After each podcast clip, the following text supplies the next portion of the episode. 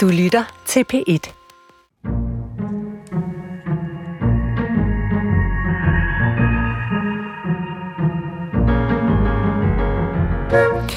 Jeg har prøvet at beregne min forventede levealder på nettet, og øh, et sted der fik jeg at vide, at jeg kunne regne med at blive hele 93 år, mens jeg et øh, andet sted skulle forvente at stille gummiskoene i en alder af blot 77.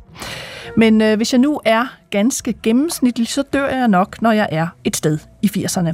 Og det vil sige, at jeg har masser af tid til at gøre ting, jeg ikke har gjort før. Simpelthen at skifte karriere. Jeg kunne blive poledancer, mekaniker, fodboldtræner, eller jeg kunne blive forfatter. Og øh, så må jeg mene om, at Karen Bliksen var hele 49 år, da hun debuterede, og det gik hende som bekendt meget godt. Og flere og flere udgiver faktisk bøger i en ret sen alder og med succes. Anita Furo vandt for eksempel Bogforums debutantpris i øh, 2018, da hun var 56, mens kunstneren Bjørn Poulsen romandebuterede sidste år i en alder af 60. Men hvad vil de gamle debutanter, og hvorfor har de ventet så længe? Det får du svaret på i dagens udgave af Skønlitteratur på P1, når jeg har to af dem i studiet. Den ene er 44-årige Rakel Røst, der på fredag udgiver sin roman om øh, opvæksten i en fattig mormonfamilie. Den anden er Jakob Grønlykke, der debuterede tidligere den her måned med sin road-roman fra Sydfyn i en alder af 61. Så velkommen indenfor på det alderdomshjem, de kalder P1. Jeg er din vært og hedder Nana Mogensen, og jeg har for længst passeret de 40. Ja, i dag skal det altså handle om det stigende antal sådan gåseøjne ældre danskere, der debiterer debuterer som skønlitterære forfattere. Og øh, det skal jo ikke bare handle om, øh, hvor gamle de er, men jo også om, hvad de skriver. Så velkommen til øh, dagens øh, to gæster, og tillykke med jeres romandebuter. Mange tak. Tak.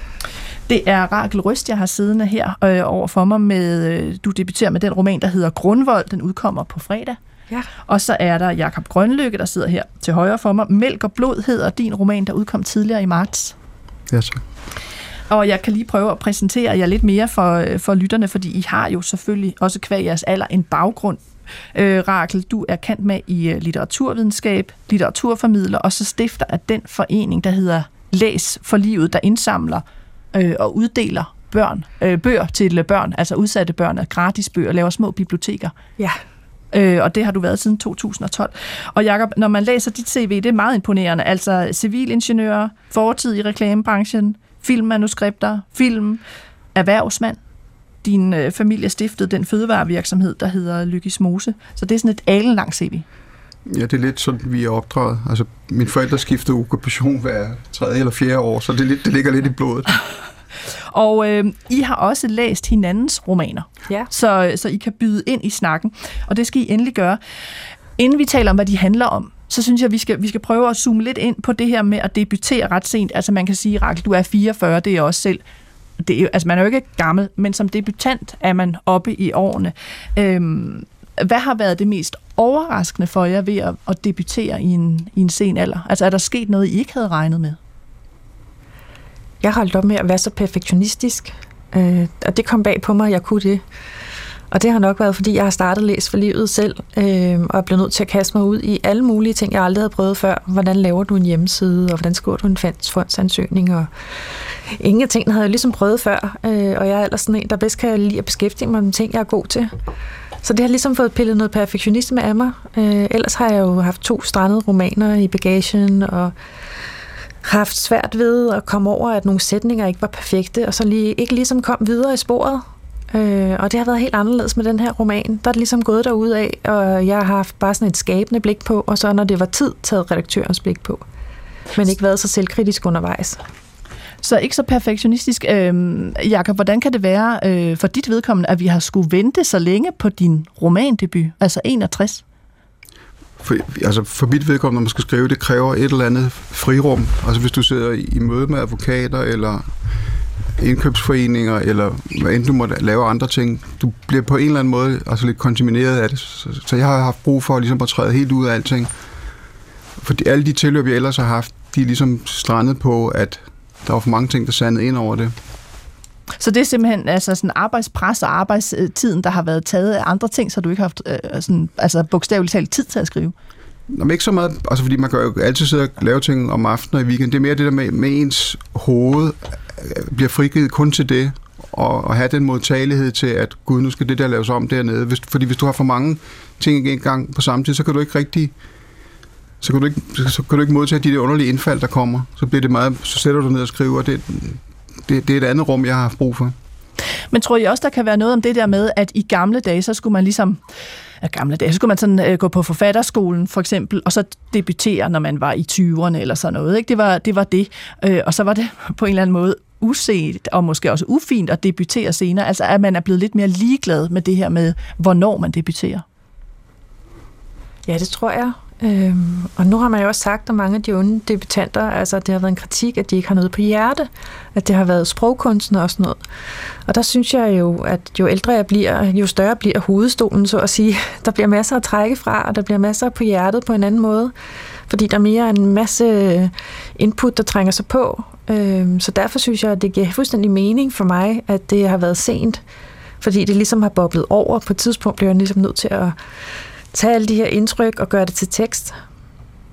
Så det her med, med hovedstolen, der bliver større, det, det taler på en eller anden måde øh, ind i det, vi skal høre nu. Øh, vi skal høre et, øh, et, et lille øh, indslag, som, som handler om det her med at debutere sent. Vi skal nok vende tilbage til, til handlingen i jeres romaner. Men hvis der er en, der ved meget om det her med at debutere, så er det øh, Gro Frank Rasmussen. Hun er litteraturkonsulent og festivalleder på den øh, litteraturfestival, der hedder Nord. Og så er hun formand for juryen bag Bogforums debutantpris. Så hun læser jo altså uendelig mange debuter hver år. Og øh, hvis man kigger på de seneste års vinder af Bogforums debutantpris, så er der faktisk en overvægt af lidt ældre debutanter, der har øh, været prismodtagere. Jeg nævnte øh, Anita Furu her i begyndelsen. I øh, det lille øh, interviewklip, jeg vil spille for jer nu, der fortæller Gro Rasmussen, Gro Frank Rasmussen om, hvad der karakterer det, hun kalder de lidt ældre forfatter, debutanter og deres fremgang. Og øh, allerførst så svarer hun på, om det er muligt at afkode en forfatters alder, når man læser øh, værket. Prøv lige at lytte med her de næste tre minutter, og øh, så taler vi videre bagefter. Det synes jeg ikke, man kan give noget entydigt svar på, heldigvis. Øh, men mm. det er klart, at i nogle tilfælde, så kan man godt mærke, at her der er der tale om et øh, udgangspunkt, der er betinget af en særlig erfaringsramme. Altså det, at en forfatter er et bestemt sted i sit liv. Øh, og det betyder jo så måske nok, at hvis man debuterer som ung, så kan man være særligt optaget af sådan noget som identitetssøgen for eksempel. Ikke? Altså det, at man skriver, øh, eller det man skriver om måske er øjebliksfixeret. Der ligger måske sådan en eller anden særlig drivkraft efter at komme frem og komme ud. Øh, en utålmodighed eller restløshed. Og måske ligger der måske også noget øh, drømmende eller rebelsk. Og det er jo alt sammen noget, man så fornemmer øh, i både tematiske vinkler og i udtrykket. Men når det så er sagt, så kan en ung debutant jo sagtens skrive, sådan så man fornemmer, at der er, er masser af levet liv i debuten øh, mens en ældre debuterende kan skrive ferskt og prøvende. Er der nogle eksempler, du kommer i tanke om, når vi snakker om det her? Øh, sådan helt klassisk, så Karen Bliksen, hun var 49, da hun debuterede, ikke? Øhm, øh, og i øvrigt uden sammenligning en helt anden boldgade, sådan en forfatter som Geo Osin, han var 71, da han i 2005 han debuterede med en kriminalroman. Øh, han nåede at skrive syv romaner, inden han døde øh, i 2013. Øh, to helt forskelligartede eksempler på, på scenedebutanter. Men hvis vi bare taler inden for de allerseneste år, jamen så er der øh, kommet en, en lang række af, af debutanter, som er, som er oppe i årene. Øh, det er sådan en som Anna Elisabeth Jessen, øh, som debuterede som lige starten af 60'erne med, med romanen om 100 år. Øh, Bjørn Poulsen øh, debuterede, da han var 60 sidste år i, i 2020 med øh, romanen Opkald fra Mælkevejen. Janne Goldsmith var 73 da hun debuterede også sidste år med Faster Hildas Testamente. Øhm, og Annette Bjergfeldt var også i 60'erne, lige starten af 60'erne, da hun debuterede med, med højsang for Palermovej sidste år. Så der er altså inden for de, de sidste par år øh, kommet øh, en, en, en god håndfuld af debuterende forfattere, som også vækker en genklang, både hos øh, kritikerne og, øh, og hos læserne. Hvis man så kigger på, hvad de skriver om, det er meget forskelligt, og deres formsprog er forskelligt, men der er alligevel måske noget, der går igen, nemlig en, en fokus på det autofiktive, eller altså det, at man øh, låner af, hovedst, af hovedstolen. Ikke? Øhm, det er måske nogen, der øh, trækker en historie frem, som de enten selv har øh, oplevet helt på nært hold, eller som er en del af deres families fortælling. Øh, og så gælder det måske det, som, som øh, den som den danske 1700-talsdigter Johannes Evald, han, han sagde, man skal være nogenledes kold for at skildre sin ild. Altså for at kunne give noget kunstnerisk form, så skal man nogle gange i hvert fald være lidt på distancen. Altså det er ikke altid øh, nødvendigvis en fordel at være midt i begivenhedens centrum. Øh, måske er det ikke altid et, øh, et godt sted at befinde sig for en forfatter. Øh, man har måske muligheden for at, at, at lægge en form for sårbarhed af sig, hvis man er lidt på distancen af, af, af det stof, man, man gerne vil formidle øh, litterært. Ja, her var det litteraturformidler Gro Frank Rasmussen, øh, som altså også er formand for øh, Bogforums øh, jury, der uddeler debutantprisen. Og hun fortalte os om, hvad der kendetegner de lidt ældre debutanter, Katinka Pol havde talt med hende. Det taler jo meget godt øh, ind i det, vi lige har talt om, altså Rakel Røst og Jakob Grønlykke, som er med mig i studiet og debuterer i en lidt senere alder. Øh, det her med, at lidt ældre debutanter ofte tager hovedstolen eller skriver autofiktivt. Øh, du har fortalt mig, Rakel, at cirka to tredjedel af din roman er øh, selvbiografisk, og så er der en tredjedel sådan fiktion blandet i, om jeg så må sige. Øh, Jakob, hvordan er øh, fordelingen i, i din øh, roman Mælk og Blod? Altså, hvor meget er der af hovedstolen der? Altså måske de første 10-15 sider minder om noget, men, men så er det ligesom sådan en spiral, der cirkulerer ud, mere og mere ud i vanvid, hvor, hvor det forlader sådan en hver form for sådan almindelig levet liv og bliver sådan grotesk. Ja, fordi det handler om to øh, drenge, som øh, i starten på sådan en eller anden tur, der udvikler sig til en flugt, og den bliver vildere og vildere, øh, sådan Fyn og Jylland, og de møder altså totalt groteske øh, personager. Ja. Okay, så der er ikke altså sådan en fuldstændig øh, hvad skal man sige, baggrund i eget levet liv? Nej, det er lidt mere sådan en alkoholisk fortælling om, om, om landbrugs- og landsbysamfundets sammenbrud, hvor de altså rejser rundt i, det, i de ruiner der i de ruiner, som er, er tilbage. Men, men det er jo ingen hemmelighed, at, øh, at det jo foregår steder, hvor du er vokset op. Så kan det godt være, at karaktererne er andre, men, men du har fortalt mig, at også i det landsbysamfund, hvor, hvor du er vokset op, har der været meget skæve eksistenser. Ja som har fundet ind i det. Øh, Rakel, lad os prøve at starte med at kaste os over din roman. Øh, jeg sidder med den her. Den hedder Grundvold. Prøv lige at forklare øh, lytterne, hvorfor har den fået den titel? Altså, det er jo en mormons familie, og jeg er vokset op i, og jeg har siddet inde på det kongelige bibliotek og ligesom øh, dykket ned i gamle mormontidsskrifter og håndbøger, for ligesom at genfinde mormonernes tone, og hvad er det, deres kultur er. Og der stødte jeg flere gange på citater, hvor at øh, man siger, at familien er samfundets grundvold og kirkens grundvold.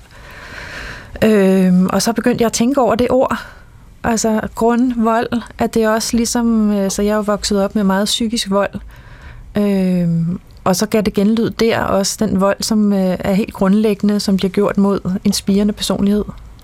Så det er sådan en slags øh, dobbeltbetydning her på omslaget af, af ordet også delt. Altså der står ikke grundvold ude i, der står grund og så vold nedenunder. Ja, det hjælper en med lige at forstå den her dobbelttydighed, ikke?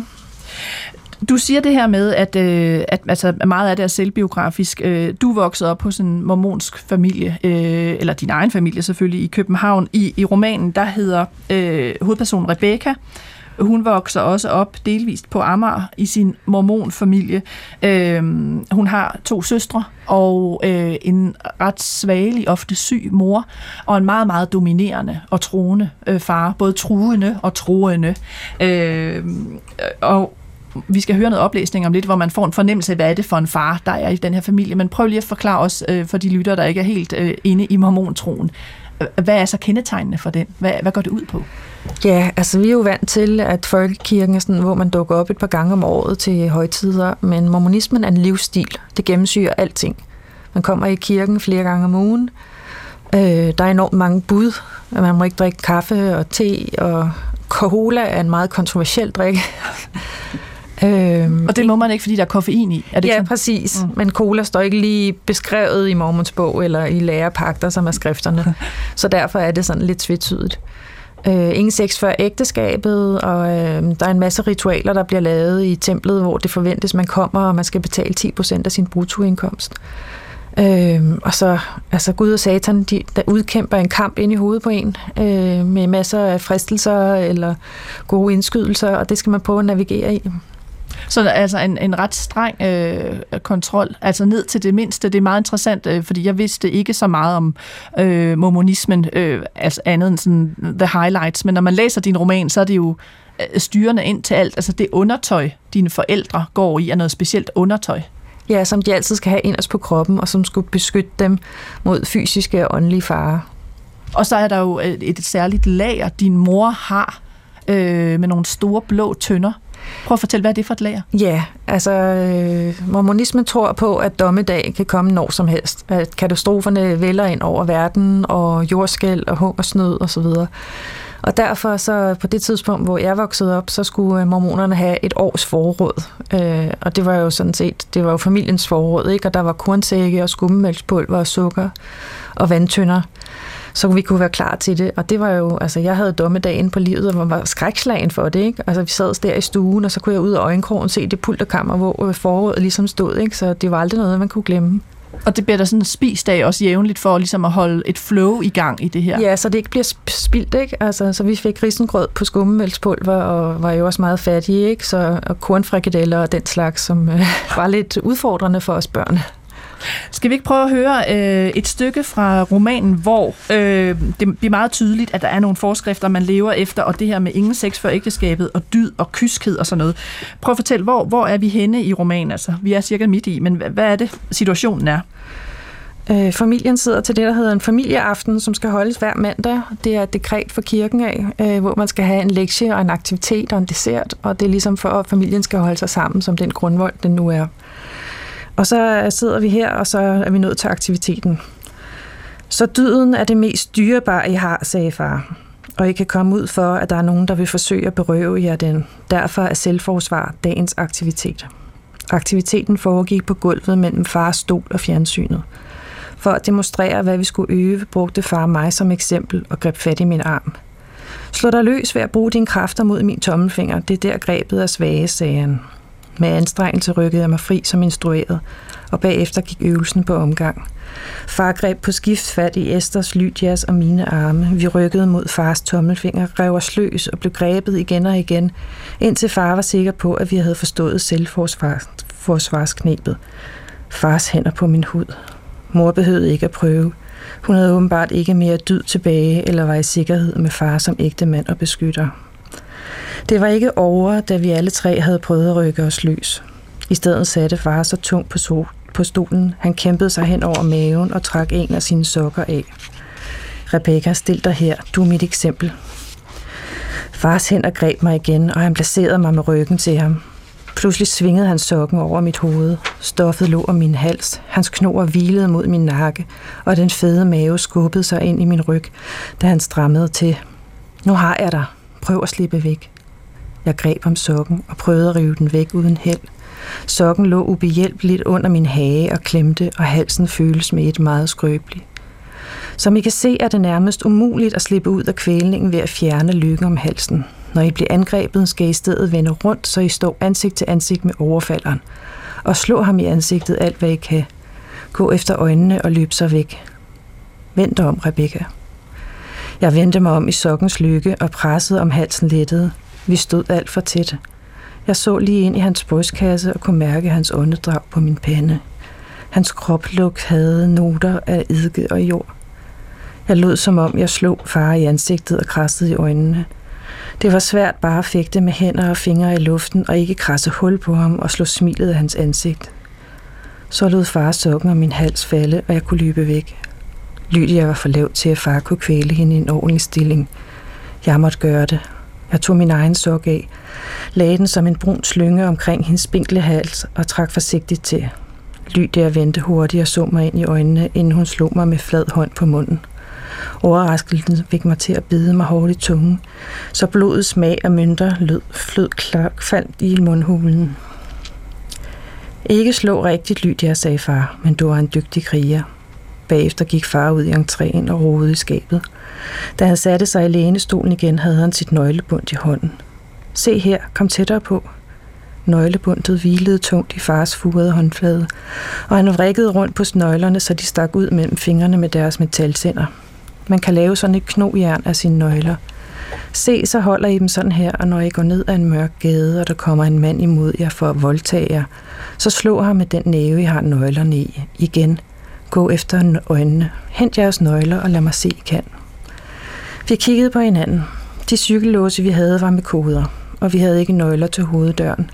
Mor gik jo hjemme, og hvis hun var på vaskeriet eller op og købe ind, skrev hun en seddel og tæppede fast på døren. Og så ventede vi på trappetrinet, til hun kom hjem. Far havde sagt, at vi var heldige, at vi ikke var nøglebørn. Men lige nu ønskede jeg mig et knogjern af nøgler. Jeg så den mørke gade for mig, den store onde mand og mine ubevæbnede bare næver. De har jo ingen nøgler, sagde mor endelig lavmældt. Far blev rød i hovedet. Han var vred. Han lagde nøglerne ud i sin lomme. Da han var plumpet ned i stolen igen, sagde han, det vigtigste er ikke at gøre modstand. Jeg vil hellere se at komme hjem i en kiste, end at se jer miste jeres død. Tak skal du have, øh, Rakel Røst. Her var det et, øh, et uddrag af, af din roman Grundvold. Ja. Man kan også mærke, at det påvirker dig helt, når du skal læse det op. Ja. Altså, ubehag, hvad, hvad er det i, i, i situationen, der gør det? Ja, altså det er jo også fornemmelsen af fars krop, som er alt for tæt på. Altså, op i 20'erne havde jeg sådan en fornemmelse af lidt overgreb, når jeg skulle kramme min far. Øh, fordi han var så grænseoverskridende på en eller anden måde, at min krop ikke var helt min egen. Øh, og så også den her med at sætte en skræk i os på en eller anden måde. Det er jo ikke, hvis I bliver voldtaget, det er jo, når I bliver voldtaget, mere eller mindre. Ikke? Øh, og så den her langt ude øh, ting med, at han hellere vil have os hjem i en kiste, end at se os miste vores død. Og jeg tænker, at alt det, det mest kostbare ved os, og det eneste, der er værd noget, det sidder mellem vores ben. Det er den der øh, tanke om, at de skal være rene. Han har også en, en idé om, på et tidspunkt bliver det klart i romanen, noget han diskuterer med din mor, som hun senere fortæller dig, nemlig at han overvejer, skal han tage livet af jer, altså slå jer ihjel, da I er mindre øh, i tre børn, fordi så redder han jeres sjæl. Ja, det er jo enormt rystende. Øh, og det er jo det her med, at vi ikke må øh, få vores egen personlighed og ligesom med vores egen vilje måske begå synder. Altså, vi skal være helt rene og uskyld, uskyldige. Øh, koste hvad det vil. Øh, og det er jo en ekstremt fanatisk tankegang. Hvordan var det for dig, Jacob, at, at læse den her roman, og også de her meget sådan intense øh, episoder med, med faren, der invaderer? Det, det, man mærker virkelig sådan, at han er den i, i bogen for, fornemmer, der kæmper allermest med sin tro. For den, altså sådan oplevelse det, altså at fordi det er også den scene, vi lige har hørt her, der er jo enorm seksualisering i det. Altså alt det, han prøver at undertrykke, det er jo nærmest det, han repræsenterer i scenen. Altså så, så, så det, er, det er sådan en menneske helt ude på sådan kanten af, altså af al ret og, og rimelighed. Altså det, det, det er virkelig hardcore. Han er jo også øh, i forbindelse med det, Jakob siger, altså sådan meget, hvis han kan se en BH-strop øh, i blusen, så, bliver han, så får han sådan en form for vimmelse. Øh, og samtidig har han brug for kontrol over for alt, hvad I gør. Altså han piller døren af, af værelset. Øh, hvis du sidder på toilettet, kan han finde på at råbe ind. Øh, nu siger du, men det er også Rebecca i romanen. Altså hvor meget toiletpapir øh, der må bruges. Ikke? Altså der er sådan en invasion hele tiden. Ja, helt sikkert. Altså, jeg kan huske, et lille resultat var, at jeg jo altid sad med jakken på i klasselokalet, for eksempel. Altså, jeg havde brug for ligesom at have et ekstra lag. Det var sådan en ekstra hud, øh, for ligesom at holde verden ude. Fordi den ligesom rent ind og ud af mig. Som altså, også blev forstærket af fornemmelsen af, at Gud og Satan også rent ind og ud af mig. Altså, så der har jo været sådan en eller anden følelse af opløsning. Men udover det her med at give en meget øh, intens læseoplevelse, øh, kan man sige, i din roman, har du så også haft et, et form for altså budskab eller en mission med romanen øh, til, til de læsere, der er? Jamen, jeg tror, rigtig mange har oplevet den her form for kontrol på en eller anden måde. Altså, den kan jo ske i parforhold, og øh, den sker også i rigtig mange små kristne religiøse samfund. Som, altså, der er jo mange, der har opsøgt mig og fortalt, at de er vokset op i en frikirke eller pinsebevægelsen eller noget andet. Og vi hører aldrig om det det er ligesom muslimerne, som, som har, har fået eneret på det show. Øh, jeg googlede social kontrol på et tidspunkt, for at lige at definere øh, den præcise betydning af det. Øh, og der var jo ikke andet end, øh, end i resultaterne end sådan æresrelaterede konflikter og Ja, så det, det er jo igen den der muslimske fokus, så det har jeg haft lyst til. Øhm, og så også, så jeg er jo temmelig feministisk, altså det her med, at man kan rejse sig, man kan slippe ud af kontrollen, og man kan være en stærk kvinde, som lærer at sætte nogle grænser for sig selv. Og i romanen, der flytter Rebecca øh, på sådan en, en ungdomsinstitution. Altså hun henvender sig simpelthen til de offentlige, øh, til myndighederne for at komme væk.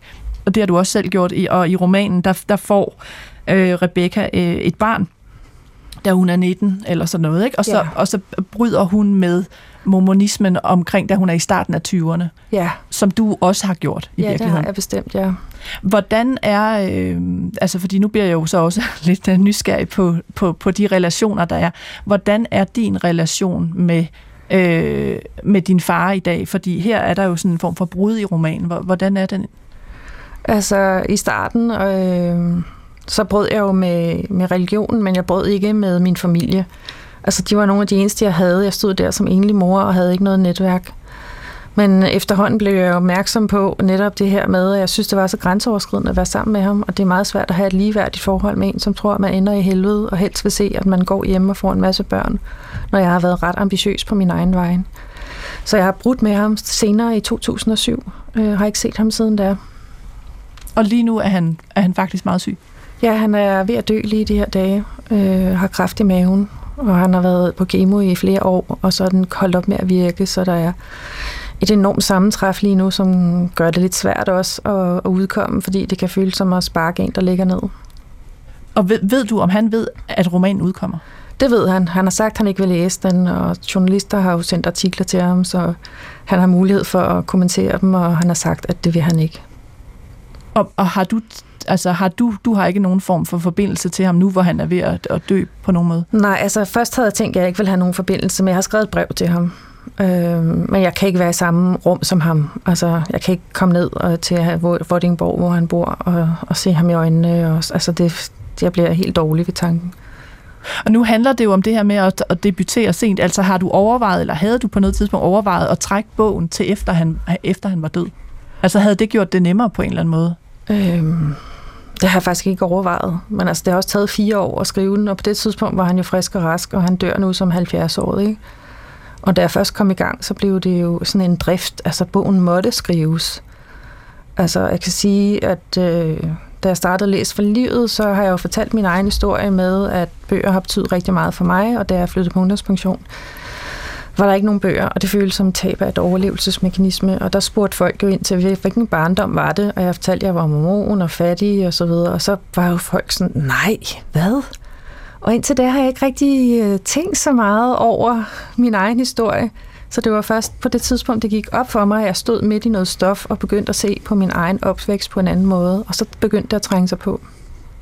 Men øh, jeg ved ikke, om du havde den samme oplevelse øh, som mig, Jacob. Altså, da jeg læste så tænkte jeg flere gange, øh, hvorfor er der ingen, der griber ind? Fordi altså, dels er der den sociale kontrol, som er meget sådan, manifest i romanen, men der er også det, at I faktisk ikke får nok at spise. I går klædt som, jeg ved ikke hvad. Altså, der må jo have været nogen, der så noget. Eller har du også haft den fornemmelse, da du læste, hvorfor er der ikke nogen, der gør noget? Jo, jeg tror, at den der øh, i talesættelse af at holde øje med, hvad der foregår hos skoletandlæger, det kom først lidt senere, tror jeg. Nu er du selvfølgelig del yngre end mig, men, men der var mange i min klasse ude på landet, som var på forskellige måder udsat for vandrygt. Som, det var bare sådan, sådan var det. Jeg tænker lidt på, på farens karakter, hvis nu bliver ved med at kalde ja. karakter. Altså tror, at han ligesom den der øh, insisterende måde, han er, er det fordi han konverterede ret sent? Altså han, var, han levede, var jo ude på et skråplan og fandt så lige pludselig Gud. Gør det ligesom, den får sådan lidt ekstra overdrive, eller var alle mormonfædre på den der enorm kontrollerende måde? Altså er, er der, var der græns, grædespøjning af der inden for trosamfundet, eller, eller var han ligesom et ekstremt tilfælde? Altså man siger jo, at de nye omvendte generelt i religioner er de mest flammende. Ja. Og det har jo været øh, tilfældet for ham. Han er vokset op i en alkoholiseret familie, jeg tror også, han har haft en tilknytningsforstyrrelse, fordi at hans mor var øh, havde tuberkulose, øh, da han blev født, og der blev han fjernet mm. øh, fra hende i et stykke tid. Øh, så, så jeg tror bare, at alting har flyttet for ham, og så er der kommet den her kirke, som har haft en masse regler og strukturer, som han har haft så meget brug for, og så giver det fuldstændig mening. Altså, Og så klamrer man sig til det. ja, øh, så man kan sige, jeg forstår godt min far. Jeg har bare ikke kunne være i nærheden af ham. Det tror jeg sgu godt. Øh, og det, som Jakob hentyder til, det er, at det bliver også klart i romanen, altså at som ung var faren, og både i romanen og i virkeligheden, øh, ude i noget med nogle stoffer, og det var øh, sådan 70'erne og det fri hippieliv, og så øh, får han på en eller anden måde det, han selv synes er et tegn, altså Ja. at, at han møder den mormonske tro, og bliver så frelst, altså i sin egen optik. Ja, det gør han. Øh, er der nogen af dine, øh, altså din mor døde for halvandet år siden, ved jeg, er der nogen af dine øh, søskende, der har læst den her roman? Altså, jeg har ventet med, at de skulle læse den, indtil det ligesom var for sent, så de har først fået bogen i hånden her meget sent, ikke? Øhm, ingen af dem har læst den endnu, så vidt jeg ved. Altså, min ene søster har taget plejeoverlov for at passe min far. Øhm, og jeg ved, at de er jo meget beskyttende over for ham i den her sidste tid, og siger, at han er blid, og han er en helt anden, og jeg tror ikke, de forstår, hvad det er, jeg gerne vil med den her bog.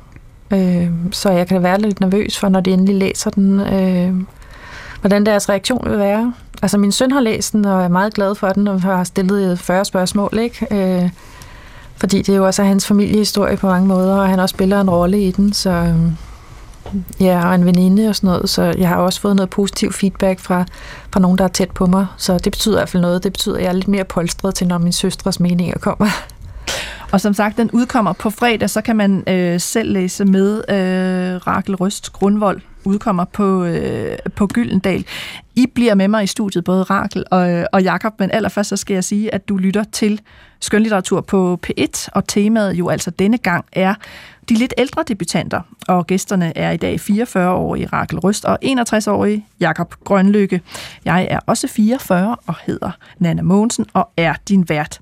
Og vi skal høre et, øh, et nummer af en øh, for musikbranchen gammel debutant, og det er Leonard Cohen. Han var nemlig hele 33 øh, år, før han udsendte sin første plade, hvorfra det her nummer er på.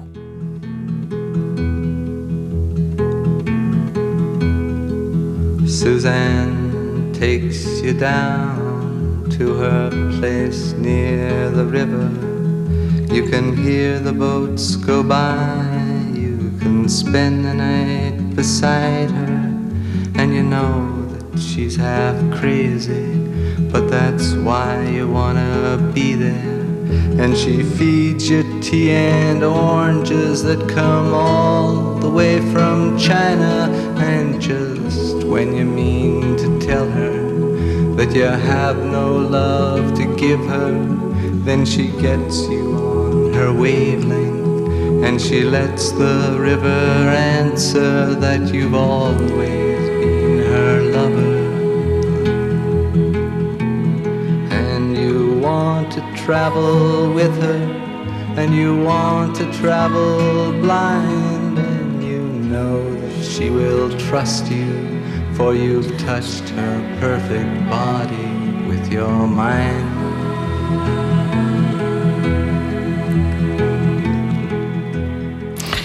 Ja, det her var Susanne. Susanne nummeret fra øh, Songs of Leonard Cohen. Den kom i 67. Øh, Leonard Cohen blev som bekendt født i 34 og døde jo altså her i 2016. Han var dog debuteret som lyriker adskillige år inden øh, musikdebuten, og, og øh, teksten til det her nummer var egentlig et digt. Vi skal videre med øh, dagens anden roman debut, øh, Jakob Grønlykke. Det er den, der hedder Mælk og blod. Og øh, i det reklamemateriale, der står, vi skal nok høre noget oplæsning lige om lidt, men der står der, at det er en Southern Gothic på sydfynsk. Hvad betyder det? Jamen, det betyder jo, at, at, at det, det er- et meget særpræget univers med sine helt anden, egen spilleregler, og, og tingene er meget større, end det er ude i det almindelige liv. Altså alle ting er forstørret op. Det er det der, vi talte om før med, at de første 10 sider er den sådan ret realistisk, Ja, øh, og så, ja. så bliver der bare skruet helt op. Ja. Jeg tænker, vi kommer nok også til at tale om nogle af de ligheder, der trods alt er mellem de to øh, romaner, fordi øh, i grundvold er det jo altså Rebekkas perspektiv, barnet og den unges perspektiv. Vi er også nede i noget børneperspektiv her. Øh, Jakob og Smumsi. Ja. Hvad er deres forhold? Ja, de, de har overhovedet ikke noget forhold. Altså Jakob kommer op fra, fra herregården øh, og forældrene de øh, er kørt til Frankrig, så er han efterladt med en 500 kroner til, til egen varetægt. Øhm, og, og Smumsi, han er også efterladt ude på en campingplads. Han siger, han har slået sin mor ihjel, og de har aldrig nogensinde været venner eller noget, men, men så slår de følger, og, og der udvikler sig en eller anden form for altså et venskab mellem de to. Og hvor, hvor gamle skal man forestille sig, at de er sådan øh, i romanuniverset? 11-12 år.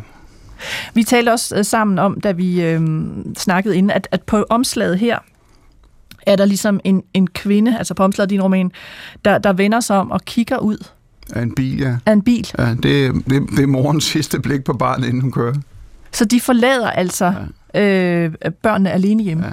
Men det, er jo- det er jo sjovt for, for, for den generation af, af fædre og, og mødre, som, som, som jeg, jeg er en del af, altså hvor vi er fuldstændig overpyldet med vores børn. Altså, der er jo ikke en halv time, hvor vi ikke ved, hvor de er henne. Og det var jo helt anderledes dengang, for der var jo, altså den, altså de, de cirkler, mine forældre var i, der var enormt meget selvrealisering. Altså man skulle, så skulle man gøre det og det, og, børnene var bare sådan et lidt fjernt appendix. Altså der kunne gå dage, hvor de ikke vidste, hvor vi var. Og sådan er det også i romanen i virkeligheden. Ja, ja. Så Men, men, men det sjove er, at vi oplevede det jo ikke som et, et, et omsorgssvigt eller sådan noget. Det er jo mere sådan med, med nutidens øjne, hvor man kan, og, så, kigger med, med, med de briller, man tænker, hvad fanden, det var egentlig, de bare forsvandt. Men dengang var det jo en frisættelse. Så der, der var man ikke klar over, at der på en måde var noget galt, om jeg så må sige. Nej, fordi at, at man kunne have taget med, men altså, man kunne næsten ikke forestille sig noget værre end at sidde på et eller andet fransk restaurant og spise 10 retter mad, hvis man kunne blive hjemme og spille fodbold med vennerne. Så det var ligesom en, det var en glæde at blive efterladt. Men øh, Smumsi, det er jo så hans kælenavn, og Jakob, de tager altså øh, afsted. Smumsi har måske, måske ikke øh, slået sin mor ihjel. Det bliver aldrig rigtig øh, klart, altså hvordan og hvorfor. Øh, og på deres vej i romanen, så møder øh, de her to drenge, altså mærkelige eksistenser. Øh, der er en fyr, der hedder Dødeslagteren. Så kommer de til nogle meget mærkelige halvballer. De øh, træffer en fyr, der hedder Ringriderkongen, som samler på ting fra lig. Øh, på et tidspunkt prøver de også at redde en dreng fra en øh, mærkelig pædofil landmand. Øh, vi talte lidt om det før, men hvor kommer alt, altså, hvor kommer alt det her groteske fra? Jamen, alle de karakterer var der i min barndom. Der, der, altså, der, det, der, det, man i gamle dage kaldte natmandsfolket. Altså, vi havde også en dødeslagt. Han gik altid rundt og insisterede på, at han ikke slagte døde dyr, men den karakter var der. Og øh, altså, de forskellige karakterer, de funktioner, de har her, har altid været til stede i sådan et landbysamfund. Og så er der i, den her sammenhæng bare skruet temmelig kraftigt op for volumen. Men, men nu var jeg lige forbi øh, altså, øh, Nellemos, hvor jeg kommer fra, som dengang var en meget, meget vital landsby, hvor der måske i hver lille husmandshus boede 12, 14, 15 mennesker. Ikke? Nu bor der nærmest 12-14 mennesker i hele byen. Så det der, den forandring fra at være et meget vitalt sted, hvor, hvor der virkelig var mange mennesker, som var i alle mulige reaktioner, der var, altså, der var tosser, og der var særlinger og alting, og det var en naturlig del af det. Og det, det udviklede ligesom, at der var, der var et stort karaktergalleri, ikke? og det, det findes jo slet ikke mere. Så det er jo meget, altså, man snakker meget om udkants Danmark. Det, det er jo ikke et spørgsmål om udkant, det er et spørgsmål om relevans. Dengang var landsbysamfundet, det var omdrejningspunktet for det danske samfund. Det var der al rigdom og al ligesom fortagsomhed kom fra. Byerne skulle ligesom bare facilitere det. Også det, det, det, altså det, det skift skete på så kort tid, og det, du, kan, du kan sige, indtræden i, i EF i, i, i 72, og det var så i 73 nytårsaften, inden for tre år havde du en fuldstændig omkalfatring i de samfund fra den går jeg opvokset på, hvor der er 50 mennesker, til der inden for tre år lige pludselig kun var to mennesker. Det er jo fuldstændig altså, vildt skift i et samfund. Så det er også en tid, hvor fortællingerne, altså i, den, i romanens univers, stadig findes, og Ja. landsbykaraktererne stadig findes. Øhm, Rakel, havde du, vi skal høre lidt oplæsning lidt, men havde du også den der øh, sådan, øh, underkæben faldt ned, da du sad og læste den, altså tænker, nej, nu, altså det bliver vildere og vildere, og mere og mere altså, uhyggeligt, ulækkert, mærkeligt. Ja, fuldstændig. Det, det, øh, men det var også et fedt ride på en eller anden måde. Det der med, at det er en form for road movie sammenhæng med, med sådan et kuriositetskabinet på en eller anden måde også. Og samtidig så er jeg jo vokset op øh, i København, ikke? altså nærmest på Stenbroen. Så, øh, så den her øh, rundvisning på landet, altså med, med tomme lader og nedlagte mejerier og sådan noget, altså det var jo meget eksotisk for mig. Altså også et chok, altså hvordan det stod til. Øh, man kan jo godt fornemme realismen inden under det groteske. Fordi vi er sådan her på brudtiden, altså mange steder er blevet øh, forladt, og der foregår de her mærkelige ting. Øh, vi skal høre lidt oplæsning fra, fra romanen. Øh, du har introduceret den ene karakter, altså vi har både talt om Jakob og Smumsi drengene her, så er der dødeslagteren. De, de taler om en anden fyr, der hedder Bert. Hvem er han? Bert, han er en, en strandet hippie, som er endt et eller andet sted ude i, i, i, den, i det jyske ingemandsland, og lever sådan i, i, i en boble. Øh, og de, de glade øh, 60'er æbbede ud der i 70'erne. Og det har han bare ikke rigtig opdaget? Nem, han er bare så forsonet som er ligesom at leve derude. Så lad os høre, hvordan det går med øh, Jakob og Smumsi på den her tur. Vi er sådan øh, en del over halvdelen inde i romanen. Jakob og Smumsi spiser deres æggekage. Den er både med snoret bacon og purløg, ligesom færgegården hjemme i Forborg. Imens fortæller dødeslagteren sin historie fra gøjlerboden i Aalborg igen. Undervejs i fortællingen bliver han så ivrig, at pipsovsen flyder ud af mundvinen på ham og videre ned i skægget. Men der skal mere til at ødelægge Jakob og Smumsis appetit. Og det virker som om, han ligefrem nyder at være i selskab og have publikum. Folk undgår ham nok ellers, når han sidder rundt omkring på de forskellige småkroer og spiser sin mad. Det er efterhånden ved at blive skumring. Kromutter kommer med kaffe og småkager. Jakob fyldes næsten med den samme lykkefølelse, som når han pjekker for skolen, og rengøringsdamerne har rulledag. Så får han lov at sidde ude i køkkenet og drikke kaffe med Ella og Katrine. Derhjemme drikker han kaffen med masser af sukker, og døber Ellas finskbrød ned i det varme sukkervand, mens Katrine fortæller en af sine løgnhistorier. Ellas finskbrød rummer så meget lykke. Han putter ikke sukker i kaffen nu. De virker patbarnsagtige at fylde koppen med sukkerknaller. Mandfolk drikker sort kaffe. Han er tilbedt medskyldig i et mor. Dødeslagter lader sin kaffe stå, men bestiller en porter til og får sin pibe stoppet igen. Han begynder at fable om den ultimative svigertur, han snart skal ud på. Den skal være langt mere omfattende end de få timer på gøjlerboden. Han har åbenbart fået smag for den slags sanseløse orker, og han udmaler savlene for drengene, hvordan han vil tage til Hamburg og brænde mindst 50.000 kroner af på en fest, der skal vare flere uger. Han har hørt, at alt kan lade sig gøre i Hamburg. At der findes hemmelige steder, der aldrig holder lukket. Steder, der kan skaffe både elefanter og dværge til underholdning. De store beløb og hele planen lyder så forrygt, at Jakob og Smule slet ikke tror, at han mener det alvorligt. Udenfor er det blevet helt mørkt. Dødeslagteren rejser sig fra slagbænken og går ud på lukket. Jakob og Smumsi sidder alene tilbage i krogstuen. De ved ikke rigtigt, hvad de skal sige til hinanden. Smumsi kigger ud af vinduet, hvor mørket kaster hans spejlbillede tilbage. Jakob spiser den sidste vaniljekrans. Han tænker på Ellas finskbrød og på sin mor og far. Han bliver overmandet af træthed og fortvivlelse. På hele deres rejse har de selv bestemt, men nu er det dødeslagteren, der bestemmer. Hvorfor har han taget dem med sig? Jakob ser over på Smumse i håbet om, at han vil sige noget, eller han måske ligefrem kan mønstre en flugtplan, men han virker lige så modfalden. Og hvor kan de også snart flygte hen? Lidt efter dukker dødeslagteren op igen. Jeg har fået et kammer ovenpå. I kan bare sove her, siger han. Han pakker sine sager sammen i muleposen og går ovenpå. De kan høre ham gå rundt derop. De lægger sig på hver sin slagbænk. Kromanden kommer ind og slukker lyset. Hvorfor tror du, han har taget os med, spørger Jakob i mørke. Måske vil han sælge os til de steder nede i Hamburg, svarer Smumsi. De prøver at grine. Et hvidt glimt oplyser hele rummet i et kort sekund, men der lyder ikke noget brag. Hvad er det, spørger Smumsi. Det er bare kornmod. Kornmod? Ja, det er, når, sky, det er, når lynene ikke slår ned, men kun gnister op mellem skyerne. Kornmod, mumler Smumsi. De ligger længere i, i tavshed og ser, hvordan lysglimtene for de fjerne lyn lyser krogstuen op. Et sidste kraftigt glimt efterlader kun mørke. Jeg har aldrig set bjergene, visker Smumsi. Det er måske bare en konstatering, men det lyder mere som en bøn. Og det er nok ikke kun bjergene for Birds fotografier, han tænker på.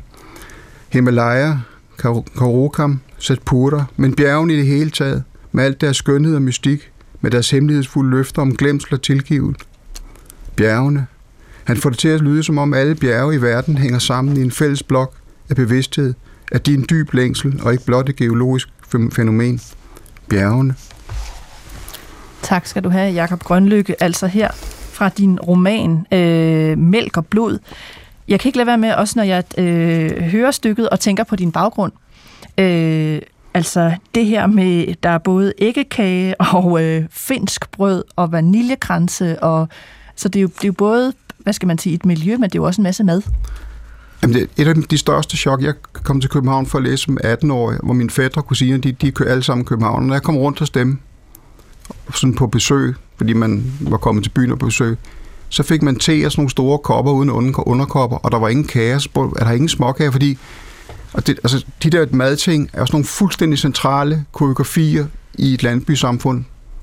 Om det så var en postmand, og det lyder lidt som sådan en Karl Stikker-film kliché, så når postmanden kom med post, så kom man indenfor og fik kaffe og småkager. Og det der med æggekage er også noget mytologisk på krogstuen. Altså det er nærmest, du kører rundt på landet stadigvæk, det er nærmest den eneste ret, du kan få på en krogstue. Så der er ligesom den der, der er nogle meget klare orienteringspunkter, hvor mad er en meget vigtig ting. Og det er også med det søndefald, som, som, som landbysamfundets det rute handler om. Fordi dengang, alle mine kammeraters forældre, som drev gårde, de producerede fødevarer, og de havde alle sammen køkkenhaver. Altså det var mad, de lavede, og de havde mange forskellige afgrøder og mange forskellige avlstyr. I dag, så er det mine kammerater, der har overtaget gården, og måske også snart deres sønner. Der er ingen af dem, der har kø- køkkenhaver. Der er ingen af dem, der på nogen som helst måde har en, en, en forestilling om, at de laver mad. De laver commodities og produktionsenheder, og når de skal spise, går de op i Netto og køber en Dr. Oetker pizza og fire Red Bulls. Så, helt, så derfor det, det, det centrale et del af det der søndefald, det er det der med maden, som jo er alt det, landet handler om. Det er fuldstændig forsvundet ud. Du kan slet ikke se, at det, det kunne lige så godt have været et sted, hvor man producerede tandhjul. Så det er på den måde, kan man sige, vi snakkede om før, det der med, hvordan ens øh, hovedstol eller ens historie spiller ind. Altså, at det er noget af det, du husker, som du tager med i romanen. Altså madens rolle, for eksempel. Jo, men, men, men det, det føler jeg ikke er bundet til, fordi nu mine forældre og, og, og, og selv også alle børn har, har, har arbejdet med mad altid. Det her er noget andet, det er noget kulturborn, fordi når man snakker, man vil helst med, med, med hvad hedder det, udkant, og nu snakker man CO2-koder og land, altså i, også i byerne, som er været interesseret i land, i, i meget ser jo på landmændene som nogle halvforbrydere, der laver nogle mystiske ting. Men, men det, er jo, det er jo det, der er... Altså, det handler ikke om, om min opvækst. Det handler om noget centralt, øh, kulturelt, der, der fuldstændig har forandret sig. Og det, der er det vilde i det, fordi den, den første udværk, altså vandring i, ved forrige hundredskifter, hele det der Martin Andersen Nexø, det var også noget, der foregik over 30-40 år. Det er jo det var to-tre år. Altså forestil dig ligesom et samfund, den form for chokkur, at du bare slukker for alt. Og det fornemmer man jo tydeligt i romanen, det der med, at mejerierne står tomme, øh, ja. som du også nævner, Rakel, og at, at der er det her øh, tab. Øh, det I dog har til fælles, øh, ud over det, jeg vil nok kalde et omsorgssvigt i den her øh, roman på en eller anden måde, det er jo det her med at ønske at skrive noget fra barnets perspektiv. Ikke? Ja. Altså det er jo en historie om, om deres oplevelser ja. rundt. De kan ikke overskue, hvad er det dødeslagteren vil med dem. Han har taget ja. med på den her tur. Øh, Må jeg ikke lige afbryde det? Der, der vil jeg lige sige i forhold til Rakels bog, for det er simpelthen så vildt, for det, det, det er skrevet fra 6, 7, 8, 12, altså op, at kunne svinge. Altså en ting er at sige, nu skriver jeg en bog fra 12-åriges perspektiv, så får man ligesom stille men ligesom så glidende at kunne skifte perspektiv, det er virkelig ærefrygten guden. Det, altså det, det er noget af det sværeste, der findes. Altså. Oh, tusind tak. Og hvordan, Arakel, du har jo læst uh, litteraturvidenskab, men altså har du kunne bruge det simpelthen til at sidde og styre din synsvinkel? Fordi det er rigtigt, som Jakob siger, man følger jo uh, pigen, uh, Rebecca, for hun er ret uh, altså, ung, ikke? altså hele vejen op. Altså, det har ikke været noget teknisk. Altså, det har været sådan en fornemmelse af at kunne genopleve Altså, hvordan var det, det var, og hvordan er det, man tænker. Og så har jeg også øh, meget at gøre med børn og unge, altså, og kan huske min søn også, så, så det er jo noget med det, det synspunkt. Altså, men jeg synes også, det har været meget rørende at læse øh, din bog. Øhm, altså, der er også noget med, jeg synes, det er meget rørende, det her med, med de to drenge, som egentlig ikke kender hinanden, og Smushy er sådan lidt også, øh, han, han er blevet set lidt skævt til, og så videre, og alligevel så har de sådan, de udvikler sådan en loyalitet over for hinanden. Og der er noget med det der drengeforhold, altså vi var tre døtre, altså man kan komme op og slås i en vejkant, og så er det okay igen. Mm. Øh, så jeg synes, det var meget berigende, ligesom at følge deres øh, venskab, så udvikler sig, øh, ja, og, og deres tanker og så videre, selvom der jo også er meget, man kan genkende, altså netop det der manglende overblik og rationaliseringer og så videre. Men er der, øh, fordi øh, nu er du 44, du er 61, øh, er der noget, der er jeg givet ved, at I har fået det her øh, barneliv lidt på afstand. Altså, I ser det jo fra øh, fra mange år længere hen. I ser det fra sent i jeres voksenliv. Har det betydning for jeres måde at skrive på? Øh, altså, jeg, jeg skulle gøre det over to omgange. Øh, fordi jeg, jeg, første gang, da jeg skrev, der, der kunne jeg mærke, at det barnperspektiv, det var ligesom lidt lån, fordi min dagsorden var en anden. Og der gjorde man virkelig vold på karakteren. Så måtte vi gå en helt forfra og sige, prøv at et, et, en 12-årig dreng kigger slet ikke den vej. Øh, så det har været med tilløb? Ja, det har ligesom været med tilløb. Hvad hedder det? Ja, altså jeg, jeg oplever det heller ikke på den måde selvbiograf. Jeg, jeg, jeg, jeg oplever det meget mere som en, på en eller anden måde et opgør øh, omkring, at vi smed barnet ud med badevandet på den måde som samfund. Altså at vi afviklede altså landbrug, landbrug og land, landsbysamlende? Nej, det, det var, vi gjorde jo ikke. Altså bønderne tog jo en, en, en, en klar beslutning, fordi det var en guldrus efter, at man trådte ind i EU. Altså, vi havde en gård, hvor der var 12, eller hvad hedder det, 120 malkekøer. De blev slagtet på grund af nogle, nogle kvoter, der kom, fordi alle skulle lægge, lægge om til svin. Så lige pludselig fik du fra at have meget diversificeret, altså have et liv, til ligesom at sige, nu laver jeg kun grise, eller nu laver jeg kun kontraktkorn, eller et eller andet. Og der farede, der farede vi som, som landmænd og som fødevareproducenter fuldstændig vild i det. Altså farede vild i, i, i retning i vores liv. Og det er det, når man, man oplever, når man kører rundt ud på landet. Det er derfor, det er udkant. Men hvorfor, hvad, altså nu er du 61, du har skrevet essayistik og andre ting. Hvad, hvad er det, der gør, at du skriver en roman om netop nogle af de her evner, frem for at skrive, lad os sige, et, et essay med, med historisk vingesus i stedet for?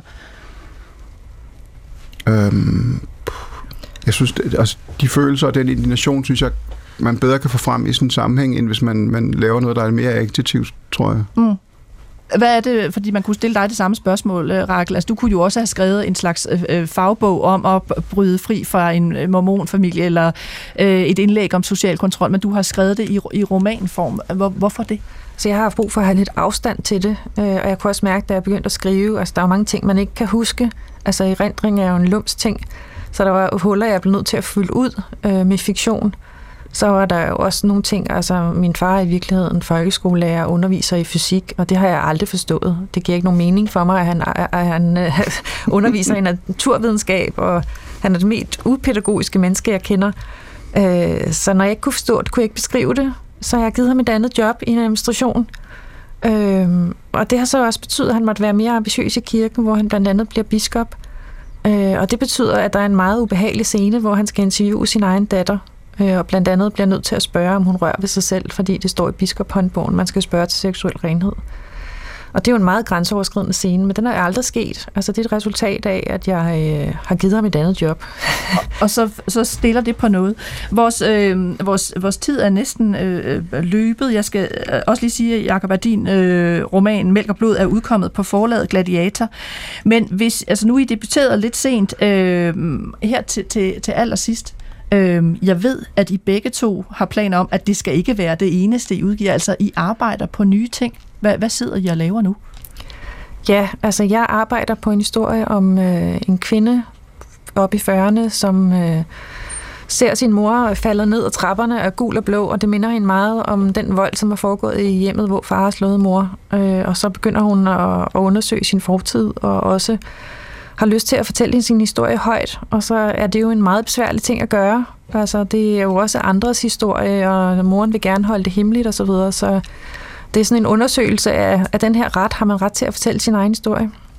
Så det er endnu et romanprojekt. Og hvad med dig, øh, Jakob? Jeg ved, du, du er også i gang med noget. Ja, jeg, jeg skriver også noget, der måske kan blive en roman. Og jeg prøver at gå over i den fuldstændig øh, modsatte boldgade, fordi det her, når man laver en, en, en road movie, det, man kan sige, eller en, en, en on the road fortælling, selvom den er meget grotesk, så er der jo en eller anden logik, at når man skal fra A til B, så skal man videre fra B til C og så videre. Så nu prøver jeg at gå fuldstændig over i den anden øh, boldgade, så altså, nu er det stederne, der er hovedpersonen, så er karaktererne på en eller anden måde, det, det de gør, når de er der, det er det, der bestemmer øh, fremdriften i handlingen. Altså, jeg øh, ser frem til at, at læse øh, begge ting. Det bliver tak. spændende, og med de levealdre, vi har i dag, så kan I jo nå at have altså, kæmpe forfatterskaber. øh, og jeg kan jo også tro med at udgive noget på et eller andet øh, tidspunkt. Tak, fordi I begge to var med her i dag. Tak. Og igen tillykke med debuterne. Tak. tak. Jeg øh, må jo til at, øh, at sige, at vi skal til at, at sige farvel. Skønlitteratur på P1 er ved at være slut for den her gang. Jeg var din vært og hedder øh, Nana Mogensen. Jeg er som bekendt 44, og jeg fik hjælp af min praktikant Katinka Pol på 25, og min producer Steffen Klint, der har rundet 66. Husk, at du altid kan skrive til mig på øh, altså litteratursnablag.dr.dk. I næste uge, der ser jeg nærmere på den optur, som oldtiden oplever litterært øh, nu. Det skal blandt andet handle om øh, verdens første kendte forfatter, øh, der kom fra Irak og var kvinde, og så siger jeg ikke mere. Vi runder, apropos dagens tema øh, om alder af, med et nummer af en ældre herre, der i den grad kan trykke den af. Det er den øh, 94-årige Tony Bennett her sammen med Lady Gaga. The Lady is a Tramp. Vi høres ved.